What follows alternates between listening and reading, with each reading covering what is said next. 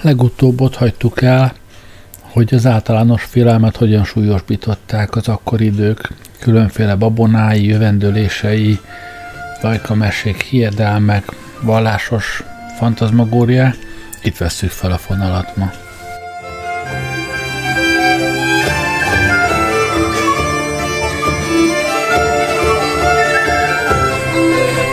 Mindezek hosszú hónapokig nyugtalanították az egyszerű embereket, az első riadalom idején, amikor a Pest is jószerivel még ki sem tört. Arról sem szabad azonban megfeledkeznünk, hogy a lakosság vallásosabb része egészen másképpen viselkedett. A kormány támogatta hitbuzgalmokat, nyilvános ájtatosságokat, bőti és bűnbocsánati napokat rendezett, hogy az emberek meggyónják bűneiket, és Isten irgalmát kérjék, hárítsa el fejük felől a szörnyű csapást és le sem lehet írni, hogy valamennyi felekezet hívői milyen buzgalommal ragadták meg ezt az alkalmat, mekkora tömegekben sereglettek a templomokba és az istentiszteletekre, és olyan hatalmas volt a tolongás, hogy gyakran a legnagyobb templomoknak sem lehetett a közelébe, még kevésbé a kapujához férkőzni. Ezen kívül számos templomban reggeli és esti ájtatosságot, másod külön imanapokat rendezte, és mindezeken, mondom, rendkívüli buzgalommal vettek részt a hívők. Sok helyütt, az egyik felekezetnél épp úgy, mint a másiknál, családi bőtöt tartotta, amelyen csak a legközelebbi hozzátartozók vehettek részt. Egy szóval a valóban jámbor, vallásos emberek igaz keresztény módjára az őszinte bűnbánat és alázat szellemében élte, ahogyan ez keresztény népekhez illik. Mi több, Mindebből szemmel láthatóan az egész társadalom vállalni akarta a részét, még az örökös szórakozásban és fényűzésben élő udvar is aggodalmat színlelt a népet fenyegető veszély miatt. Betiltották a színdarabokat és vígjátékokat, amelyek a francia udvar mintájára nálunk is meghonosodta, és mindinkább elterjedte. Az egyre szaporodó és a nép erkölcseit rontó játékbarlangokat, nyilvános tánc és szórakozó helységeket becsukták, és ugyanakkor bezárta boltját valamennyi csepürágó, komédiás, bábszínházas, kötéltáncos és a többi hasonló, aki csak szédíti a szegény egyszerű népet, mert most nem találtak közönségre. Az embereknek más gondjuk volt, és még a legalantosabbak harcán is bánat és rettegés ült. A halál ábrázatát látta, mindenki a sírjára gondolt, nem pedig vigadozásra és szórakozásra. De a sok egészséges szándék, amely ha helyesen valósítják meg, könnyűszerrel rávezethette volna a népet, hogy térdre hullva megvallja bűneit, az irgalmas megváltóhoz fohászkodjék. Bocsánatért könyörögve, szánja meg a súlyos városunkat Ninive sorsával fenyegető megpróbáltatások idején, éppen ellenkező hatást váltott ki az egyszerű, tudatlan, korlátolt gondolkodású emberekben, mert hogy korábban durva bűnökben meggondolatlanul éltek, úgy most a rettegés, a végtelen dűreség karjába kergette őket. Ezért aztán, mint mondtam, nem csak varázslókhoz, jövendőmondókhoz és más hasonló szemfényvesztőkhöz futkározta, hogy kifürkészék sorsukat, és a népség szándékosan táplálta, ébren tartotta félelmüket, hogy minél tovább szédíthesse, minél alaposabban kifoszthassa őket, hanem ugyanolyan eszeveszetten szaladtak kuruzslókhoz, csodadoktorokhoz, mindenfajta javasasszonyokhoz orvosságért, meg gyógyszerekért, és az így módon felhalmozott pirulákra, cseppekre és az úgynevezett védőszerekre nem csak a pénzüket szórták ki, hanem tetejébe a ragály mérgétől való félelmükben előre meg is mérgezték magukat. És ahelyett, hogy megóvták volna szervezetüket a pestistől, csak utat nyitottak neki. Ugyanakkor a kapufélfákat és az utcasarkokat minden képzeletet felülmúló mennyiségben lepték el a kuruzsló, kontárkodó, tudatlan fickók orvosi plakátjai meg hirdetései, amelyek általában ilyenféle nagyhangú szólamokkal csábítgatták gyógyszerek megvásárlására a népet. Csalhatatlan hatású pestis elleni védőpirula, ragály elleni tökéletes védőszer, fertőzött levegő elleni felülmúlhatatlan erősítőszer, járvány esetére szóló pontos kezelési utasítás, pestis elleni labdas, most felfedezett páratlan hatású ital dögvész ellen, általános gyógyír pestis ellen, az egyetlen hamisítatlan pestis víz, fejedelmi gyógyszer mindenfajta fertőzés ellen, és még számtalan hasonló lehetetlen valamennyit felsorolni, de ha lehetséges volna, egész könyvre telne belőlük. Mások olyan hirdetéseket tettek ki, amelyek a népet járvány esetére szóló útmutatás és tanács véget lakásukba csábították. Ezek a hirdetések is megtévesztve hangzatosak voltak, mint például Hollandiából nem régiben érkezett kiváló németalföldi orvos, aki a tavalyi nagy pestis járvány idején mindvégig Amsterdamban tartózkodott, és ott számtalan, már heveny pestisben szenvedő ember gyógyított meg. Nápolyból épp most érkezett olasz nemesasszony, aki hála nagy tapasztalatainak felül muhatatlan gyógyhatású fertőzés elleni titkos balzsamot fedezett fel, és ezzel csodálatos eredményeket ért el a legutóbbi pestis idején, amikor naponta 20 ezeren haltak meg. Ős nemesi hölgy, ki a városunkban dúló legutóbbi 1663. esztendei pestis idején nagy sikerrel gyógyított, kizárólag a női nem részére tanácsokkal szolgál. Rendel, stb. Tapasztalt orvos, aki hosszú esztendőkön át tanulmányozta mindenféle mérgezés és fertőzés ellenszereit, és négy évtizedes gyakorlat alapján olyan tudományra tetszett, amelyek révén, Isten segedelmével, útmutatást tud nyújtani bármiféle ragályos betegséggel való fertőzés elhárítására. Szegényeknek ingyen ad tanácsot. Ezek csupán példák. Felsorolhatnék további két-három tucatot, és még akkor is maradna bőven, amit nem említettem. De ennyi is elég, hogy érzékeltessem az akkor idők közhangulatát. Ahogy ezek a tolvajok és zsebmetszők nem csak becsapták, kiforgatták pénzükből a szegény embereket, hanem ráadásul undorító, végzetes kotyvalékaikkal még meg is fertőzték a szervezetüket. Egyesek higannyal, mások egyéb hasonlóan ártalmas szerekkel, amelyek még csak nem is hasonlítottak ahhoz, aminek mondták őket, és fertőzés esetén inkább ártalmára, mint hasznára voltak a szervezetnek. Külön meg kell említenem az egyik ilyen kuruzsló csalafinta módszerét, amelyel a szeré, szegény, hiszékeny embereket a lakására csődítette, fizetség nélkül azonban semmit se tett értő. Az utcán osztogatott hirdetésekhez úgy látszik a következő nagybetűs mondatot vigyeztette, szegény sorsúaknak ingyenes rendelés. Tódoltak is hozzá szegények, ő pedig sok szép előadást tartott nekik, megvizsgálta egészségi állapotukat és szervezetüket, ellátta őket tömérdek, de haszontalan tanácssal.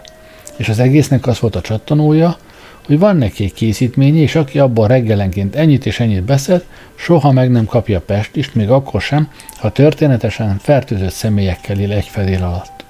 Erre az életét teszi. Az emberek persze nagyon szerettek volna kapni ebből a csodaszerből, csak hogy annak ára volt, úgy hiszem, fél koronába került. De uram, mondja erre az egyik szegény asszony, én menhelyen éle, az egyházközség gondoskodik rólam, az ön cédulaján meg az áll, hogy szegényeknek ingyen rendel.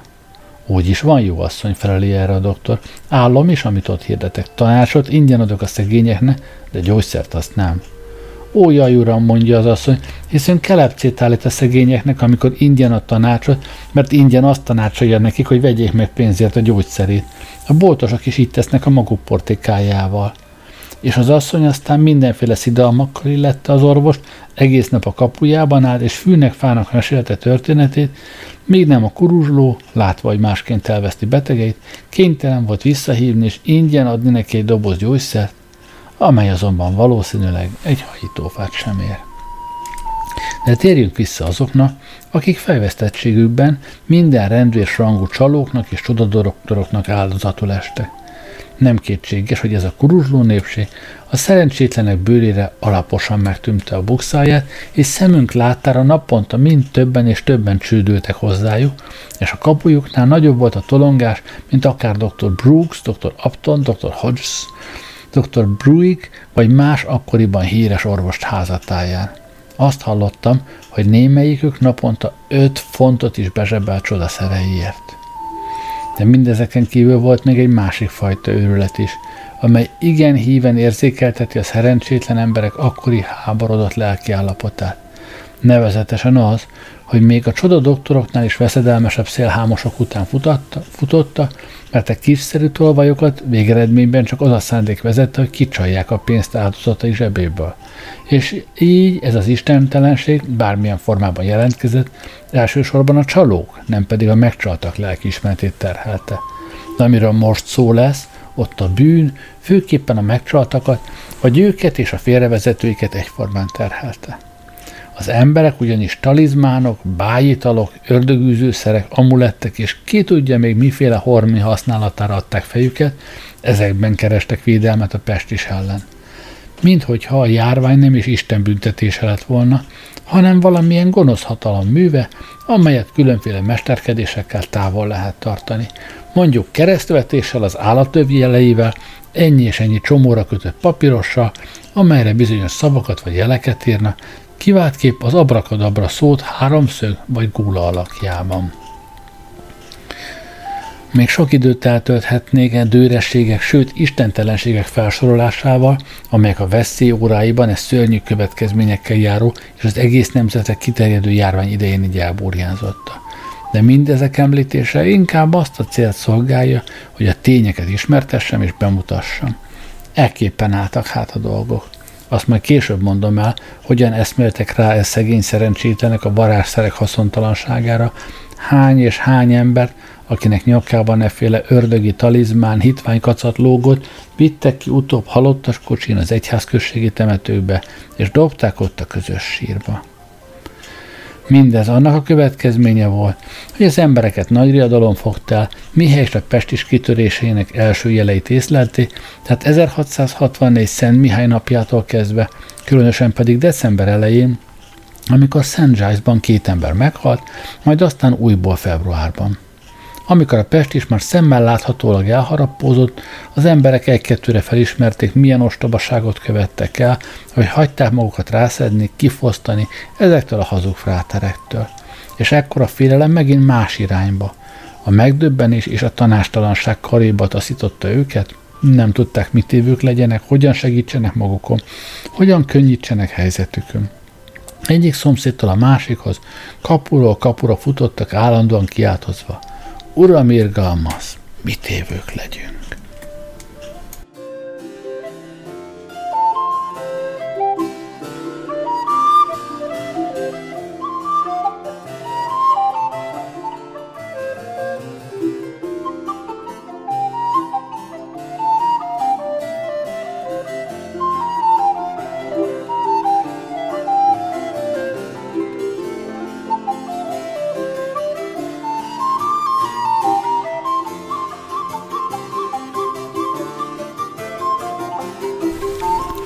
Most rátérek arra az időre, amikor a Pest is, mint említettem, már kitört, és a hatóságok kezdtek komolyan foglalkozni a néphelyzetével.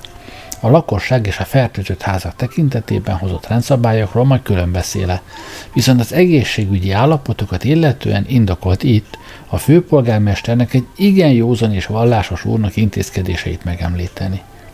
Amikor, is ugyan, lá, amikor ugyanis látta, hogy az emberek dőreségükben kuruzslókhoz és csodadoktorokhoz, varázslókhoz, meg jövendő mondókhoz futkározna, és ez, mint említettem, már-már az őrületbe kergeti őket, a szegények, pontosabban a megbetegedett szegények gondozására orvosokat és felcsereket jelölt ki.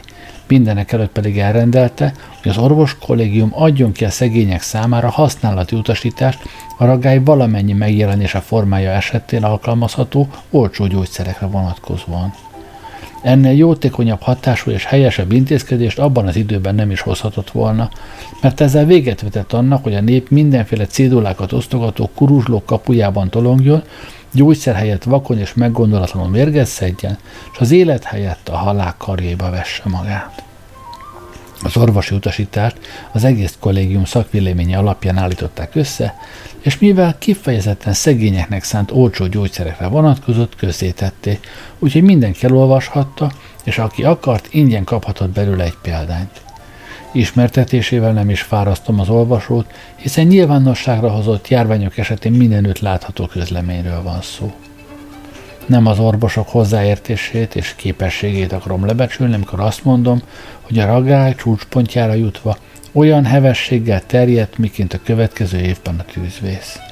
A tűz mindent elemésztett, amit a Pest is meghagyott, dacolt minden óvintézkedéssel, a tűzoltó fecskendők eltörte, a vödrök szanaszét heverte, és az emberi erő tehetetlennek bizonyult. Hasonlóképpen dacolt a dögvész is minden óvintézkedéssel, elragadta magukat az orvosokat, még le sem nyelhették saját gyógyszereiket, de a megmaradtak tovább gyógyította, ismételgették másoknak mit tegyenek, míg nem rajtuk is kiütöttek a ragály jelei, és összerogytak holtan. Épp az az ellenség terítette le őket, amelyel szemben másokat ellenállásra sarkalta. Sok orvos jutott erre a sorsra, köztük a legkiválóbbak, és ugyanígy jó néhány az ügyesebb felcserek közül. Tömegesen pusztultak a kuruzslók is, az ostobá, akik bíztak kotyvalékaikban, holott tudniuk kellett volna, hogy mit sem érne. És így jobban tették volna, ha bűneiket felismerve tolvaj módjára elmenekülnek az igazságszolgáltatás elől, amelyről tudhatták, csak megérdemelt büntetést várhatna.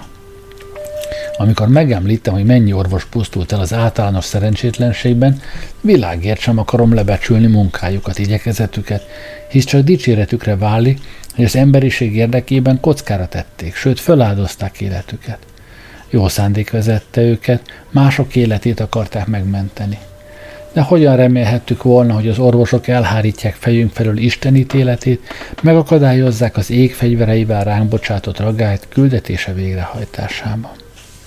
Az orvosok hozzáértésükkel, bölcsességükkel, igyekezetükkel kétségtelenül igen sok életet megmentette, sok beteget meggyógyítottak. Nem jelenti tehát jellemüknek vagy hozzáértésüknek lebecsülését, ha azt mondom, hogy aki már kiütött a Pest is, azon többé nem tudtak segíteni. És azon sem, aki már elkapta a halálos ragályt, és, ami elég gyakran megesett, csak ekkor küldött orvosért. Hátra van még, hogy arról szólja, milyen intézkedéseket hoztak a hatóságok a pestis kitörésekor, a közbiztonság megóvása és a járvány elterjedésének megakadályozása érdekében. Még többször is lesz alkalma megemlíteni, mennyi bölcsességről, emberszeretetről, szegények iránti éber gondoskodásról tettek tanúbizonyságot a hatóságok, miképpen iparkodtak később a döghalál súlyoskodása idején megóvni a közrendet, gondoskodni az élelemellátásról és hasonlókról. Ehelyütt azonban csak azokról a rendeletekről és előírásokról szeretnék beszélni, amelyeket a fertőzött családokkal kapcsolatos eljárásról hozta. A házak lezárását már említettem. Erről azonban részletesebben is kell szólnom, mert bár ez a Pestis történetének igen-igen szomorú fejezete, de nekem még a legfájdalmasabb körülményekről sem szabad hallgatnom. Június táján London főpolgármestere és a városi tanács, mint már mondtam, tüzetesebben megvizsgálta, milyen rendszabályokat kell foganatosítani a Cityben. A Middlesexi békebírák a miniszter utasítására a St. Giles in the Fields, St. Martin, St. Clement Danes, stb. egyházközségekben már korábban megkezdték a házak lezárását, és ezzel az intézkedéssel jó eredményeket értek el, mert számos utcát, ahova átterjedt a Pest is, sikerült azáltal megtisztelniük a ragálytól, hogy a házakat szigorúan őriztették, és az áldozatokat, mihelyt halálok híre kitudódott, azonnal eltemették. Azt is megfigyelték, hogy ezekben az egyházközségekben mihelyt a járvány elérte tetőpontját, sokkal hamarabb alább hagyott, mint például Bishopgate-ben, Stordage-ben, Aldgate-ben, Whitechapel-ben, Stepney-ben és másutt. Az említett rendszabályok gyors foganatosítása, tehát igen hathatós eszköznek bizonyult a ragály megfékezésére. A házak lezárásának módszerét tudomásom szerint első ízben az 1603. évi Pestis idején első Jakab király trónra lépésekor alkalmazták. Ekkor hozta az országgyűlés a pestises személyek jótékony segélyezése és a fertőzöttekkel kapcsolatos eljárás című törvényt, amely felhatalmazást adott arra, hogy az embereket házukba bezárják. Erre a parlamenti törvényre alapította a londoni főpolgármester és a városi tanács 1665. július 1-ével életbe lépett rendeletét, midőn a Cityben a fertőzöttek száma még csekély volt, és a 92 egyházközség legutóbbi jegyzékén mindössze négy pestisben elhalt személy szerepelt. Ekkor pedig a Cityben néhány házat lezárta, egy-két embert az Islington felé vezető úton, Bunhill-Filzen túl levő járványkórházba szállította, és ezekkel az intézkedésekkel sikerült elérni, hogy a Cityben egy héten csak 28 ember halt meg, még az összes halottak száma közel ezret tett ki. Így módon a Cityben az egészségügyi helyzet az egész járvány ideje alatt kedvező volt, a többi városrészhez viszonyítva. Főpolgármesterünknek ezek a rendeletei, amelyeket, mint említettem, június második felében tettek közzé, és július elején léptek életbe, így hangzottak. London város főpolgármestere és városi tanácsa által elhatározott és kiadott rendelkezése az 1665. évi pestis járvány tárgyában.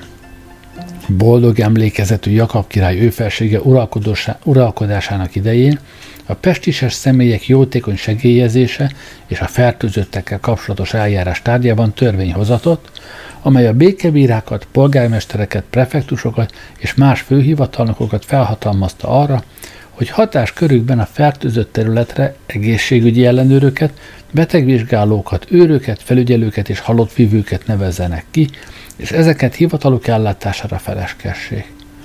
Ugyanez a törvény feljogosította továbbá az említett főhivatalnokokat, hogy más utasításokat is kiadjanak, amelyeket az adott körülmények között helyesnek tartanak.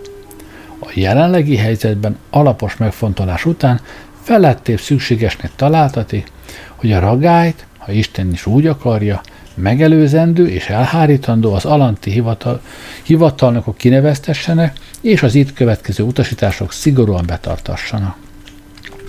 Valamennyi egyházközségben egészségügyi ellenőröket kell kinevezni. Elsősorban is szükségesnek tartatik, és ezért elrendelteti, hogy valamennyi egyházközségben a tanácsnok helyettese, valamint a tanácsgyűlés fedhetetlen jellemű és jó hírnének körvendő férfiak közül válasszon és nevezzen ki egy, két vagy több egészségügyi ellenőrt, akiknek kötelességük ezt a hivatalt legalább két hónapig ellátni. Amennyiben pedig az így kinevezett alkalmas személy annak vállalását megtagadná, az illetőt vessék börtönbe, és tartsák ott mindaddig, amíg a rendelkezésnek alá nem veti magát. Az egészségügyi ellenőrök kötelmei a tanácsnokok által feleskedett egészségügyi ellenőrő időközönként vizsgálják meg és derítsék ki, hogy egyház községükben mely házakra terjedt át a ragály, mely személyek betegedtek meg és miféle betegségben, és mindenről tájékozódjanak legjobb tudások szerint. Ha kételj merülne fel, a házba való bejárást mindaddig tiltsák meg, amíg a betegség természete ki nem derül. Ha pedig bárhol fertőzött szemét találnak, utasítsák a konstáblert a ház lezárására, és amennyiben a konstábler mulasztás vagy hanyagságot követel, azonnal tegyenek jelentést erről a tanácsnoknak. Őrök. Minden fertőzött ház elé állítsanak két őrt, egyet nappalra, egyet pedig éjszakára. Ezek az őrök különös gonddal ügyeljenek arra, hogy az őrizetük alatt álló fertőzött házat szigorú büntetésterhem mellett senki el ne hagyhassa, sem oda be ne mehessen. Az említett őrök lássák el a mellett a fertőzött házak részére szükséges és megkívánt teendőket is, amennyiben az őr bármilyen megbízással elküldené, zárja le a házat, és a kulcsot vigye magával. A nappali őr szolgálata este tízig tart, az éjjeli őré pedig reggel hatig betegvizsgálók. Különös gondot kell fordítani arra, hogy valamennyi egyházközségben a jó hírnek örvendő és felelhető legfedhetetlenebb erkölcsű asszonyok közül betegvizsgálókat jelöljenek ki. A kijelöltek esküdjenek fel, hogy legjobb tudásuk szerint alaposan megvizsgálja, és a valóságnak megfelelően jelenti, vajon a személyek, akiknek testét megvizsgálta, pestisben szenvednek-e, vagy másféle betegségben. A ragály kezelésére és megelőzésére kijelölt orvosok pedig a gondozásuk alá tartozó egyházközségekben kinevezett, illetve kinevezendő betegvizsgálókat rendeljék magukhoz, és ellenőrizzék, hogy alkalmasak-e feladat körük betöltésére. És ha erre indokot látna, kötelességmulasztások miatt vonják őket felelősségre. A ragály tartama alatt a betegvizsgálóknak tilos bármilyen nyilvános munkát végezni, vagy foglalkozást űzni, boltot vagy árodát tartani, mosónőként tevékenykedni, vagy egyéb közhasznú szolgálatot teljesíteni. Seborvosok, mivel a betegségek megállapítása terén igen sok visszaélés történt, ami a ragály további elterjedésére vezetett, elrendelteti, hogy a betegvizsgálók munkájának támogatására válasszanak és nevezzenek ki rátermett és körültekintő orvosokat azokon kívül, akik már is a járványkórházban tevékenykednek. Osszák fel köztük a City-t és a város külső kerületeit fekvés szerinti leghelyesebb és legalkalmasabb módon, és mindegyikükre egy meghatározott körzet jusson. Az említett seborvosok a maguk területén a betegvizsgálókkal együtt vizsgálják meg a betegek testét, hogy a baj természetéről a valóságnak megfelelő jelentés készülhessen. Az említett seborvosok keressék fel és vizsgálják meg mindazon személyeket, akik értük küldenek, vagy akiket az egyes hegyház községében működő egészségügyi ellenőrök megnevezne, vagy hozzájuk küldene, és ilyen módon derítsék fel, hogy a szóban forgó személyek milyen betegségben szenvedne. Miután pedig az említett seborvosok kizárólag a ragály körüli teendőkkel foglalkozhatna, és más gyógytevékenységet nem végezhetne, elrendeltetik, hogy minden egyes vizsgálatért 12 pennit kapjana, amelyet vagy a megvizsgált beteg, vagy ha az illető erre képtelen, az egyházközség fizessen ki. Ápoló nők. Ha valamelyik ápoló nő a fertőzött házat a pestéses beteg halálától számítva 28 napon belül elhagyja, azt a házat, amelybe költözik, zárják le mindaddig, amíg az említett 28 nap le nem telik. A fertőzött házakkal és a pestisben megbetegedett személyekkel kapcsolatos rendelkezése. A betegséget jelenteni kell. A házura mihelyt házában valaki testének bármely részén mutatkozó pörsönésekről, piros foltokról vagy daganatról panaszkodik, vagy más eredetű nyavajának tulajdonítható ok nélkül súlyosan megbetegszi, a tünetek jelentkezésétől számított két órán belül értesítse erről az egészségügyi ellenőrt. A beteg elkülönítése. Mihelyt az egészségügyi ellenőr, a sáborvos vagy a betegvizsgáló megállapítja valakiről, hogy pestisbe esett, a beteget még ugyanazon az estén, ugyanabban a házban különítsék el, és ha így elkülönítették, és utóbb nem is halna meg, akkor is zárják le egy hónapra a házat, amelyben megbetegedett, minek utána a ház többi lakója megtette a szükséges óvintézkedéseket. Fertőzött tárgyak szellőztetése.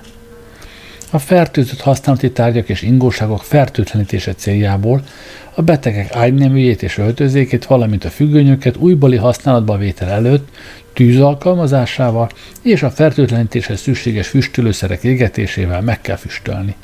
A fertőtlenítést az egészségügyi ellenőr utasítása szerint kell végezni. A házak lezárása.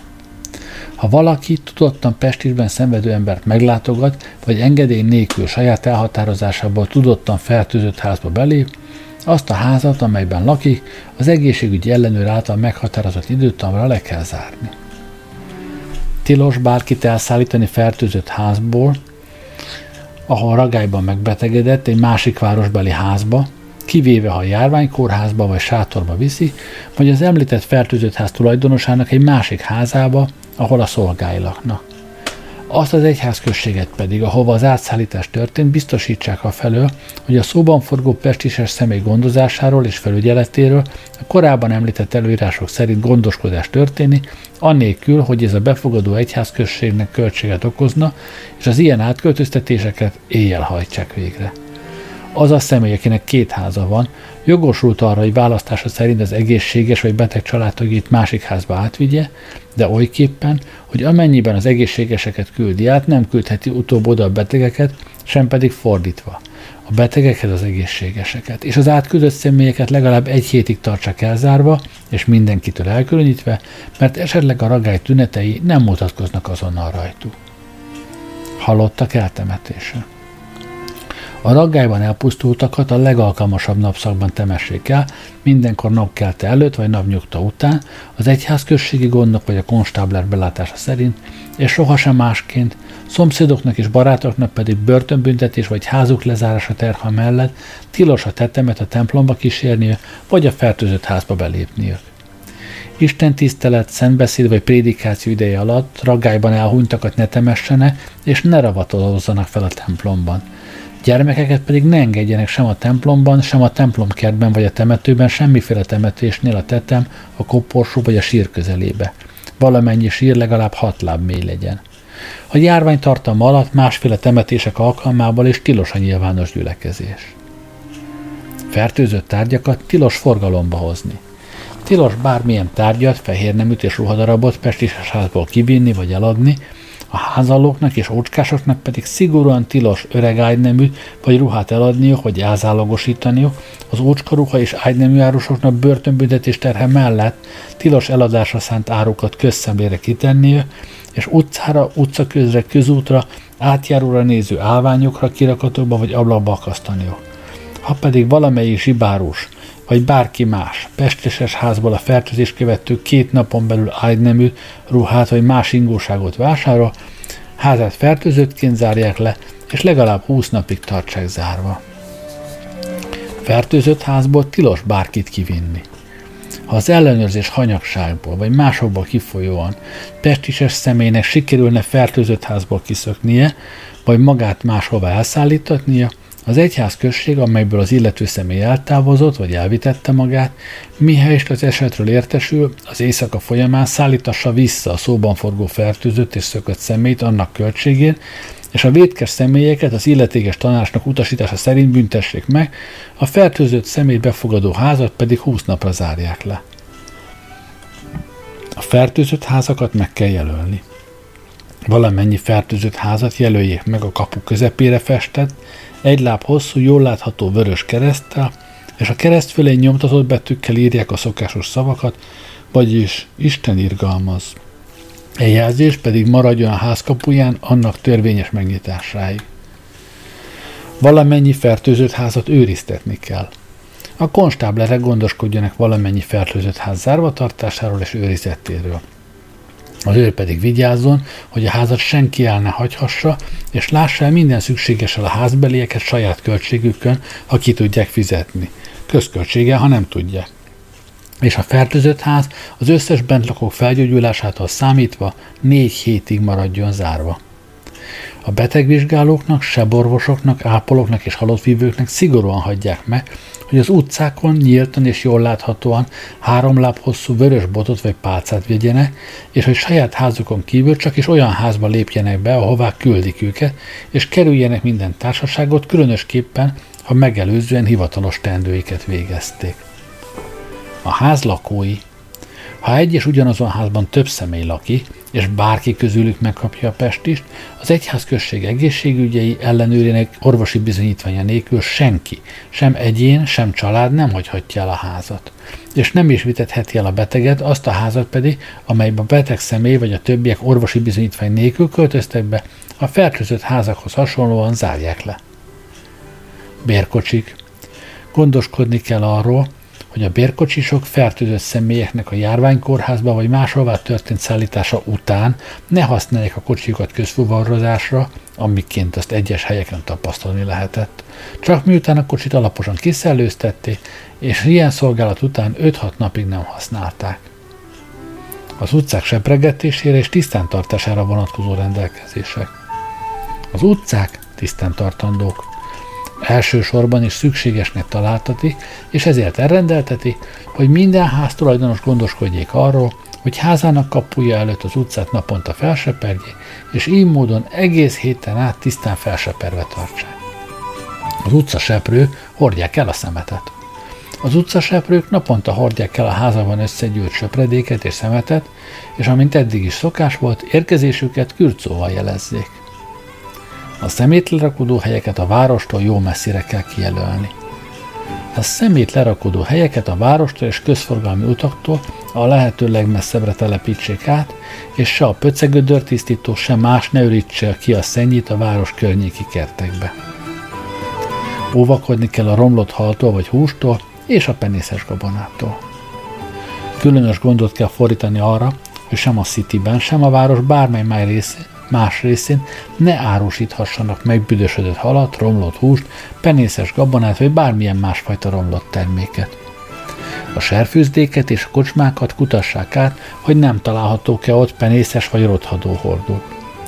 A város területén tilos sertést, kutyát, macskát, szelét galambot vagy nyulat tartani, tilos disznókat az utcákon vagy mellékutcákban szabadjára engedni, a kóborállatokat a törvényszolga vagy más hivatalos személy terelje össze, tulajdonosuk pedig a községi tanács rendeletének megfelelő büntetésben részesüljön, a kutyákat az erre célra kijelölt vecérek öljék meg. Csavargókra és haszontalan összejövetelekre vonatkozó rendelkezése. Koldusok.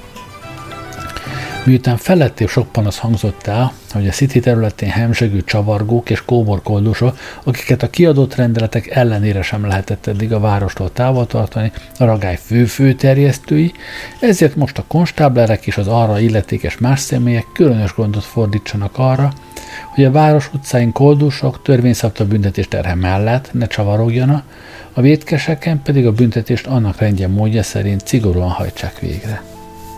Játékok legszigorúbban tilos mindenféle utcai játék, medvehetsz, verseny, utcai éneklés, csapatjáték, vagy bármilyen más csüdületet okozó szórakozás, a vétkeseket az illetékes tanácsnak szigorúan büntesse meg. Ünnepélyek tilalma. További rendeletig és engedélyi, engedélyi tilos, különösen a városi céheknek minden nemű nyilvános lakomázás, valamint vendéglőkben, sörözőkben és más közös szórakozó helységekben rendezett ünnepi vacsora. Az ilyen módon megtakarított pénzt tegyék félre, és fordítsák a ragályban szenvedő szegények javára és segélyezésére. Kocsmák Vendéglőkben, sörözőkben, kávéházakban és pincékben a féktelen ivászatokat szigorúan szemmel kell tartani, mert az ilyesmi a mostani időkben közönséges bűn, és amellett a Pest is legfőbb terjesztője. A város ősi törvényei és szokásai értelmében este 9 óra után italozás céljából az erre az esetre megállapított büntetések terhe mellett semmiféle társaság vagy személy nem tartózkodhat és nem térhet be vendéglőbe, sörözőbe vagy kávéházba ezen rendeleteknek, valamint a jövőbeli tanácskozásoknak alapján szükségesnek mutatkozó más utasítások és előírások jobb végrehajtása érdekében elrendeltetik és meghagyatik, hogy a tanácsnokok, helyettesei, valamint a tanácstagok szükség szerint hetenként egyszer, kétszer, háromszor vagy többször a maguk területén a szokásos, pestistől mentes gyülekező helyeken összejöjjenek, és megtanácskozzák, miképpen lehet a szóban forgó rendeleteket előírás szerint végrehajtani, ami azonban nem jelenti, hogy fertőzött helyen, vagy annak közelében lakó személye, ha jövetelük aggályosnak látszik, megjelenjenek az említett gyűléseken. Mondott tanácsnokok, helyetteseik, valamint a tanácstagok a maguk területén kiadhatnak más olyan helyesnek ítélt rendeleteket is, amelyeket a szóban forgó gyűléseken ő felsége alattvalóinak pestistől való megóvása érdekében közös elhatározással megfogalmazta. Sir John Lawrence főpolgármester, Sir George Waterman, Sir Charles, Charles Doe, sheriffek. Ezek a rendeletek természetesen kizárólag a főpolgármester hat, hatáskörébe tartozó területekre vonatkoztak, de a tanyai és más külterületi egyházközségek és helységek békebírái is hasonló módszereket alkalmaztak. Emlékezetem szerint a mi környékünkön a házak lezárására vonatkozó rendeletet csak később adták ki, mert, mint már említettem, a raggája város keleti részére augusztus elejéig nem csapott át, illetve ott még nem dúlt teljes erővel. A július 11-től 18-ig terjedő héten például az összes halottak száma 1761 volt, de a taártanyai egyházközségekben, amint az alábbiakból látható, mindössze 71-en haltak meg Pestisben. Oldgate 34, Stepney 58, Whitechapel 48, St. Catherine Tower 4, Trinity Minorities 1. Ám de a ragály most már nagy erővel közeledett felénk, mert ugyanezen a héten a szomszédos egyházközségben a temetkezések száma ilyeténképpen alakul. Szent Leonard Snordics 64, következő héten szörnyű mód megnőtt 84, augusztus elejéig 110. Szent Botolf Bishop 2 65, következő héten 105, augusztus elejéig 116. Szent Giles Cripplegate 213, Következő héten 421, augusztus elejéig 554.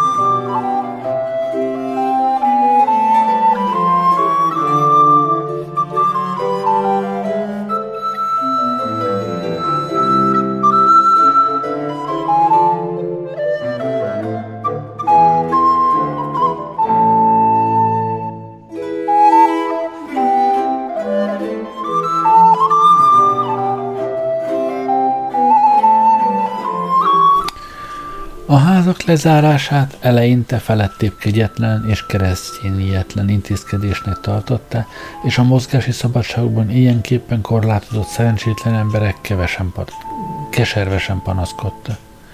Főpolgármesterünk elé is naponta járultak panaszokkal a rendszabály szigorúsága, indok nélkül, néha egyenesen rossz indulatból lezárt házak miatt. Én erről nem sokat mondhatok, de a megejtett vizsgálat során sok hangos panasztevőt olyan állapotban találta, hogy az állatot fenn kellett tartani. Máskor viszont fenntart feloldották, ha a vizsgálat alkalmával kiderült, hogy az illető nem szenved dragályos betegségben, vagy ha a vizsgálat bizonytalan eredménnyel járt, a beteg beleegyezett, hogy járványkórházba szállítsák. A házak kapujának lezárása és éjjel-nappal való őriztetése kétségtelenül nagyon szigorú, kegyetlen intézkedésnek látszott, hiszen a kapukon se ki, se be nem mehetett, holott a család egészséges tagjai talán megmenekülhettek volna, ha eltávolítják őket a betegektől, és ebben a nyomorúságos fogságban sok olyan ember is elpusztult, aki ha szabadon mozoghat, feltehetőleg nem kapta volna meg a pestést, jól lehet fertőzött házban lakott. Emiatt azután eleinte sok volt a panasz, nagy volt a nyugtalanság, a lezárt házak elé állított őröket sok helyütt tetleg bántalmazták és fenyegették. Amellett sokan erőszakkal kitörtek a házakból, ahogy erről később még beszámolok. De az egyéni sérelmeket a közösségi érdek indokolta, és akkoriban hiába is fordult bárki a hatóságokhoz vagy a kormányhoz, az előírások legcsekélyebb enyhítését sem tudták kieszközölni. Én legalábbis egyetlen egy ilyen esetről se hallottam. Ezután az embereket arra indította, hogy a legkülönféle fortélyokkal igyekezzenek kijutni a házukból, és egész kis kötetet töltenének meg azok a mesterkedések, amelyekkel a lezárt házak lakói igyekeztek lekenyerezni vagy félrevezetni az őröket, hogy kitörhessenek és elmenekülhessenek, amikor is gyakran kerül sor tulakodásra, sőt tetlegességre, de erről majd külön beszélek. Amikor egy reggel úgy nyolc óra tájban, Hansdichben jártam, nagy lárma ütötte meg a fülemet. Csődületet ugyan nem láttam, mert jóformán mindenfajta gyülekezés tilos volt, és az emberek nem maradhattak sokáig egy csoportban, jó magam sem áldogáltam hosszabb ideig. A hangos kiáltozás azonban felkeltette kíváncsiságomat, és amikor az egyik ablakból kinézett valaki, megkérdeztem tőle, mi történt. Úgy látszik, az egyik fertőzött, vagy fertőzöttnek vélt ház kapuja elé őrt állította, és a házat lezárták. Az őr, mint megtudtam, Két teljes éjszaka átott, a nappal őr pedig egy napon át, és most jött leváltani őt.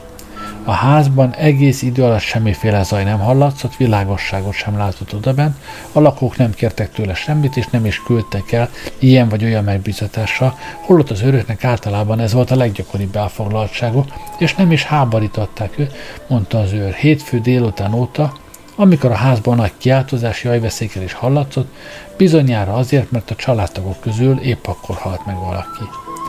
Úgy látszik, előző éjjel a halottos kocsi megállt a ház előtt, és egy szolgálólányt hoztak le holtan, egy száz zöld pokruszba burkolva a kapuhoz. Az úgynevezett halott fűvük a kocsira tették a holttestet, és elhajtottak vele. Az enyhített, említett lárma és sikoltozás hallatára az őr kopogott a kapun, ám jó ideig nem kapott választ. Végül aztán valaki kinézett és haragos, sürgető, de mégis siránkozó hangon megkérdezte, mit akar? Miért kopogtat ilyen hangosan? Az őr vagyok, felelte. Hogy vannak? Mi a baj? Mi köze hozzá, válaszolt az illető. Állítsa majd meg a halottas kocsit. Ez egy óratájban lehetett. Nem sokkal később mesélte az őr, megállította a halottas kocsit, újból kopogtatott a kapun, de nem kapott választ. Folytatta a kopogtatást, a csengettyűs ember pedig többször is elkiáltotta magát, hozzák ki a halottjukat. De senki sem válaszolta, míg aztán a kocsis, akit más házakhoz is hívtak, megelégelte a várakozást és elhajtott. Az őr sehogy sem értette a dolgot, de békében hagyta a házbelieket, amíg a nappali őr, vagy ahogyan nevezték, a nappalos, meg nem érkezett, hogy leváltsa. Akkor részletesen beszámolt neki a történtekről, és jó ideig kettesben kopogtattak a kapun, választ azonban nem kapta, viszont meglátták, hogy ez a második emeleti ablak vagy ablakszárny, amelyen az említett személy korábban kinézett és válaszolt, még most is nyitva áll. Erre a két őr, hogy kíváncsiságokat kielégítsék, hosszú létrát kerített, az egyikük felmászott rajta, és az ablakon át benézett a szobába, oda bent a padlón egy asszony feküdt holtan, síralmas egy szálinkben. Az őr pedig hiába kiáltozott, hosszú botját bedugva hiába döngette a padlót, senki sem jött, senki sem válaszolt, az egész házban egyetlen hang se hallatszott. Az őr lejött, elmondta társának, mit látott, mire az is felkapaszkodott a létrán, de ő sem látott egyebet. Így elhatározták, hogy a főpolgármestert vagy valamelyik előjárót értesítik a dologról. Az ablakon azonban nem mertek bemászni. Az előjáró az őrök értesítése alapján elrendelte, hogy törjék fel a kaput, és pedig a konstábler vagy más személyek jelenlétében nehogy valaminek lába keljen. Így is történt, de a házban egyedül azt a fiatalasszonyt találták, a többie, amikor rájöttek, hogy az asszonynak pestise van és nincs remény felépülésére, sorsára hagyták. Valamilyen módon kijátszották az őrt, kinyitották a kaput, vagy a hátsó kapun szűktek ki, esetleg a szomszéd házak tetején menekülte, úgy, hogy az őr nem vett észre semmit. Ami pedig a kiáltozást és jajveszékelést illeti, azok a búcsú fájdalmas hangjai lehettek a mindannyiuk számára keserves búcsújé, hiszen a halott a házasszonyának testvére volt. A ház ura, felesége, gyermekei és szolgái mind megszökte, betegene vagy egészségesen, azt nem tudtam meg, és efelől nem is igen érdeklődtem. Sokan szokták meg így módon a fertőzött házakból, főképpen úgy, hogy az őrt valamilyen megbizatással elküldték, mert az őröknek kötelességük volt a család megbizatásait teljesíteni, vagyis szükségleteikre, mint például élelemről vagy gyógyszerről gondoskodni, orvost hívni, ha hajlandó volt jönni, vagy felcsert vagy ápolónőt, valamint a hallottas kocsit odarendelni, és így tovább. Ám mindezt azzal a feltétellel, hogy az őr távozásakor a külső kaput becsukja és a kulcsot magával viszi. A lakók azonban, hogy ezt elkerüljék és az őrt kijátszák, két vagy három kulcsot csináltattak az árhoz. Esetleg megtalálták a módját, hogy a zár felelősítésére szolgáló csavarokat kicsavarják, és a zárat belülről leszereljék. Így aztán, amikor az őrt a piacra, vagy kenyérért, vagy egy más apróságért elküldték, a kaput egyszerűen kinyitották, és kedvükre járkáltak kibe. Mikor azonban a hatóságok erre rájöttek, elrendelték, hogy a kapukat lakattal és megfelelő reteszekkel kívülről kell lezárni. Hallottam egy másik házról is, az Eldgéttel szomszédos egyik utcában, ahol az egész családot lezárta, mert a szolgáló leány megbetegedett. A ház ura barátai útján panaszt emelte miatt az illetékes tanácsnoknál és a főpolgármesternél, és felajánlotta, hogy a lányt a járványkórházba viteti, Kérését azonban elutasították, és a ház kapuját előírásosan vörös keresztel jelölték meg. Kívülről lakata lezárták, és a ház elé őrt állította. Amikor a házura megtudta, hogy nincs mentség, őt, feleségét és gyermekét összezárják a szegény pestises szolgálólánya, szólt az őrnek, hívjon a szegény teremtés gondozására ápolónőt, mert ha ők kényszerülnek az ápolásra, ez mindannyiuk biztos halálát jelenteni. És azt is világosan megmondta, amennyiben az őr nem volna hajlandó ápolónőt hívni, a lány feltétlenül elpusztul, ha nem a ragálytól, akkor az éhezéstől, mert ő bizony az övéi közül senkit sem enged a közelébe, és a lány négy emelet magasságban a padlás szobában fekszik, ahonnét még csak segítségért sem tud kiáltani. Az őr vállalkozott rá, hogy elmegy és szerez ápolónőt, és a megbizatásának még aznap este eleget is tett. A ház ura azonban az őr távollétét arra használta fel, hogy boltjának falán nagy lyukat üssön, ez a nyílás egy bódéhoz vagy fülkéhez vezetett, ahol korábban a boltablak mögött vagy alatt egy varga dolgozott. De a bódé bérlője ahogy ez ilyen szörnyű időben könnyen elképzelhető, meghalt vagy kihurcolkodott, és ezért a helység kulcsa az ház uránál volt. Így az bejutott a műhelybe, amit, ha emberünk a kapunál marad, nem tudott volna megtenni, mert az elkerülhetetlen nagy zaj felkeltette volna az őr figyelmét. Így azonban, mint mondtam, bejutott a műhelybe, ott várakozott csöndben, amíg az őr az ápolónővel vissza nem tér, és még azután is a következő napon. Másnap éjjel azonban megint csak sikerült eltávolítani az őrt valamilyen jelentéktelen megbízással, azt hiszem a gyógyszertárba küldte a szolgálólány számára flastromért, amelynek elkészítését meg kellett várnia, vagy valami más olyan megbizatással, amely némi időt vesz igénybe. Ez alatt pedig az egész család kiszökött a házból, ott hagyta az ápolónőt meg az őrt, hogy temessék el a szerencsétlen leányzót, jobban mondva dobják fel a halatos kocsira, s hogy őrizzék a házat. Még számos hasonló különös történetet mesélhetni, hiszen a hosszú és keserves esztendő alatt sok ilyesmit éltem át, illetve hallottam. És ezek a történetek bizonyára igaza, vagy legalábbis közel járnak az igazsághoz, persze csak ami a lényeget illeti, mert az ilyen időkben senki emberfia meg nem tudhatja valamennyi részletet. A hírek szerint sok helyütt erőszakoskodtak az őrökkel, a pestis tartalma alatt gondolom nem kevesebb, mint 18-20-at megöltek közülük, vagy olyan súlyosan megsebesítette, hogy már-már holtan szedték fel őket. És mindez lehetőleg, feltehetőleg azok művelték, akik fertőzött, lezárt házakból megpróbáltak kijönni, és eközben ellenállásba ütköztek. De nem is igen lehetett mást várni, hiszen város szerte minden egyes lezárt ház meg annyi börtön lett, az így bezárt, fogságban tartott emberek pedig annál is elviselhetetlenebbnek tartották helyzetüket, mert nem bűnösök voltak, inkább szállandó teremtmények. Amellett egy joggal börtönnek nevezhető házak előtt csupán egyetlen börtönőr állt, akinek az egész épületet szemmel kellett tartania, viszont igen sok háznak a fekvése miatt nem csak egy kijárata volt, az egyiknek több, a másiknak kevesebb, és ezek néha más és más utcában nyíltak, ezért egyetlen ember nem ügyelhetett valamennyi kapura, nem akadályozhatta meg, hogy az ijesztő körülmények, a sírelmesnek tartott elbánás és a dühöngő pestis miatt kétségbe esett emberek elmeneküljenek, így azután, amíg a ház egyik oldalán valaki szóval tartotta az őrt, a másikon a család kiszökött. A Coleman Streetről például a mai napig is igen sok sikátor nyílik. Az úgynevezett Alley-ben, Vice Alley-ben lezártak egy házat, ennek a háznak pedig nem a kapuja, hanem az egyik ablaka udvarra nyílt, ahonnan átjáró vezetett a Bell ellére. A konstábler a ház kapuja elé őrt állított, aki társával felváltva éjjel-nappal ott állt őrségben, holott az egész család már az első este kimászott az ablakon az udvarba, elszökött és hagyta, hogy azok a szegény ördögök ostrázsájának csak nem két héten át. Nem messze ettől a helytől az őrt valósággal fölrobbantották puskaporral, úgy, hogy a szerencsétlen ember szörnyű mód összeéget, rettenetesen jajveszékel, de senki sem mert a közelében mer- menni, és ez alatt az első emeleti ablakokon át a család kezét, lábát bíró tagjai elszökte, csupán két hátrahagyott beteg kiáltozott segítségért. Gondozásukra ápolónőket küldtek oda, az elszökötteket azonban nem találták meg, amíg csak a pest is elmúltával vissza nem tértek, de nem lehetett rájuk bizonyítani a dolgot, és így büntetés nélkül megúzták. Azt is tekintetbe kell venni, hogy a lezárt házakon valóságos börtöneinktől eltérően nem volt sem rás, sem retesz, és így a bentlakók olykor az őr szemmel láttára, karddal vagy pisztolya felfegyverkezve az ablakon át leereszkedtek az utcára, és a szegény ördögöt azzal fenyegették meg, hogyha moccanni mer vagy segítséget kiáll, mentem megölik.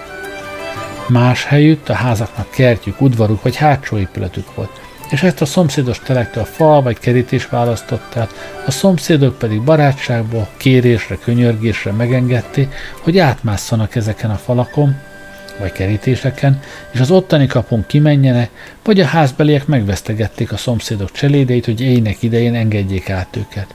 Egy szóval a házak lezárása korán sem jelentett megbízható módszert. Sőt, a célnak sem felelt meg, mert csak még nagyobb fejvesztettségbe, végső kétségbe és is betaszította az embereket, így nem csoda, ha semmi kockázaton nem riadtak vissza, hogy elmenekülhessenek. De még ennél is nagyobb baj volt, hogy azok, akik ilyen módon elszögdöste, nyomorúságos helyzetükben ide-oda kóborolva sokkal inkább széthurcolták a magukban hordozott ragályt, mint ahogyan egyébként tették volna – mert ha valaki az ilyenfajta esetek minden részletét figyelembe veszi, el kell ismernie, hogy ebben mi sem kételkedhetünk, hogy a szigorú zárlat sokakat kétségbeesésbe kergetett, és arra késztetett, hogy minden kockázatot vállalva kiszökjön a házából. És ezek a szerencsétlenek le testükön a pest is látható jeleivel azt sem tudták, hova menjenek, mit évők legyenek. Sőt, hogy mit tettek, és ez szörnyű szorultságba, nyomorúságba taszított emberek közül sokan a nélkülözés következtében az utcán vagy a földeken pusztultak el, vagy az öldöklő ragály lázában holtan rogytak össze. Mások vidékre kóboroltak, csak mentek, amerre a kétségbeesés űzte őket. Nem is tudták, hova tartanak, merre mennek.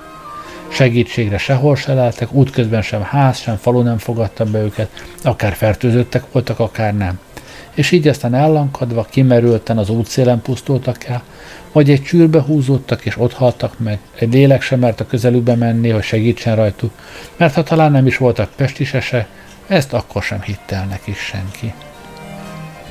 Másrészt, ha a ragály valamelyik családban felütötte a fejét, Azaz, ha az egyik családtag elment hazulról és óvatlanul vagy sem, de megkapta és hazavitte a pestist, a család feltétlenül előbb szerzett tudomást róla, mint azok az egészségügyi ellenőrő, akiknek a már ismert rendelet értelmében kötelességük volt a lehető legalaposabban megvizsgálni minden beteget, mihelyt megbetegedéséről értesültek. A házura pedig a családtag megbetegedése és az egészségügyi ellenőr jövetelek közötti időben egyedül vagy az övéivel együtt könnyűszerrel elmehetett, ha volt hova mennie, és sokan így is tettek. A legnagyobb bajt épp az okozta, hogy nem egyszer valójában már fertőzötten hagyták el otthonukat, és így a pestist elhurcolták oda is, ahol vendégszeretően befogadták őket, ami valljuk be, igen, igen gonosz, háládatlan cselekedet volt. Részben ez adott tápot annak az általános véleménynek, jobban mondva felháborodásnak, amely a fertőzöttek magatartásával szemben megnyilvánult, nevezetesen, hogy egy cseppet sem törődnek azzal, hogy másokat is megfertőznek. A legcsekélyebb lelki ismeretfordulás sem érzik emiatt. Én ezzel kapcsolatban csak azt mondhatom, hogy valami igazság lehetett ugyan ebben a vádban, de korán sem volt olyan egyértelműen jogos, ahogy híreztelték mert nem tudom, milyen észszerű indoka lehetne az efféle gonoszságnak olyan időkben, amikor mindenkinek arra kell lélekben felkészülnie, hogy hamarosan Isten ítélőszékkel elé kerül. Hogy ez a magatartás épp oly kevésbé egyeztethető össze a vallással, meg a tisztességgel, mint a nemes lelkűséggel, meg az ember szeretettel, ebben egész bizonyos vagyok. De erre talán még visszatérek. De az biztos, hogy nem ma lesz, mert ennyi fért a mai adásba. Köszönöm, hogy velem voltatok ma este, jó éjszakát kívánok, Gerlei Rádiózott.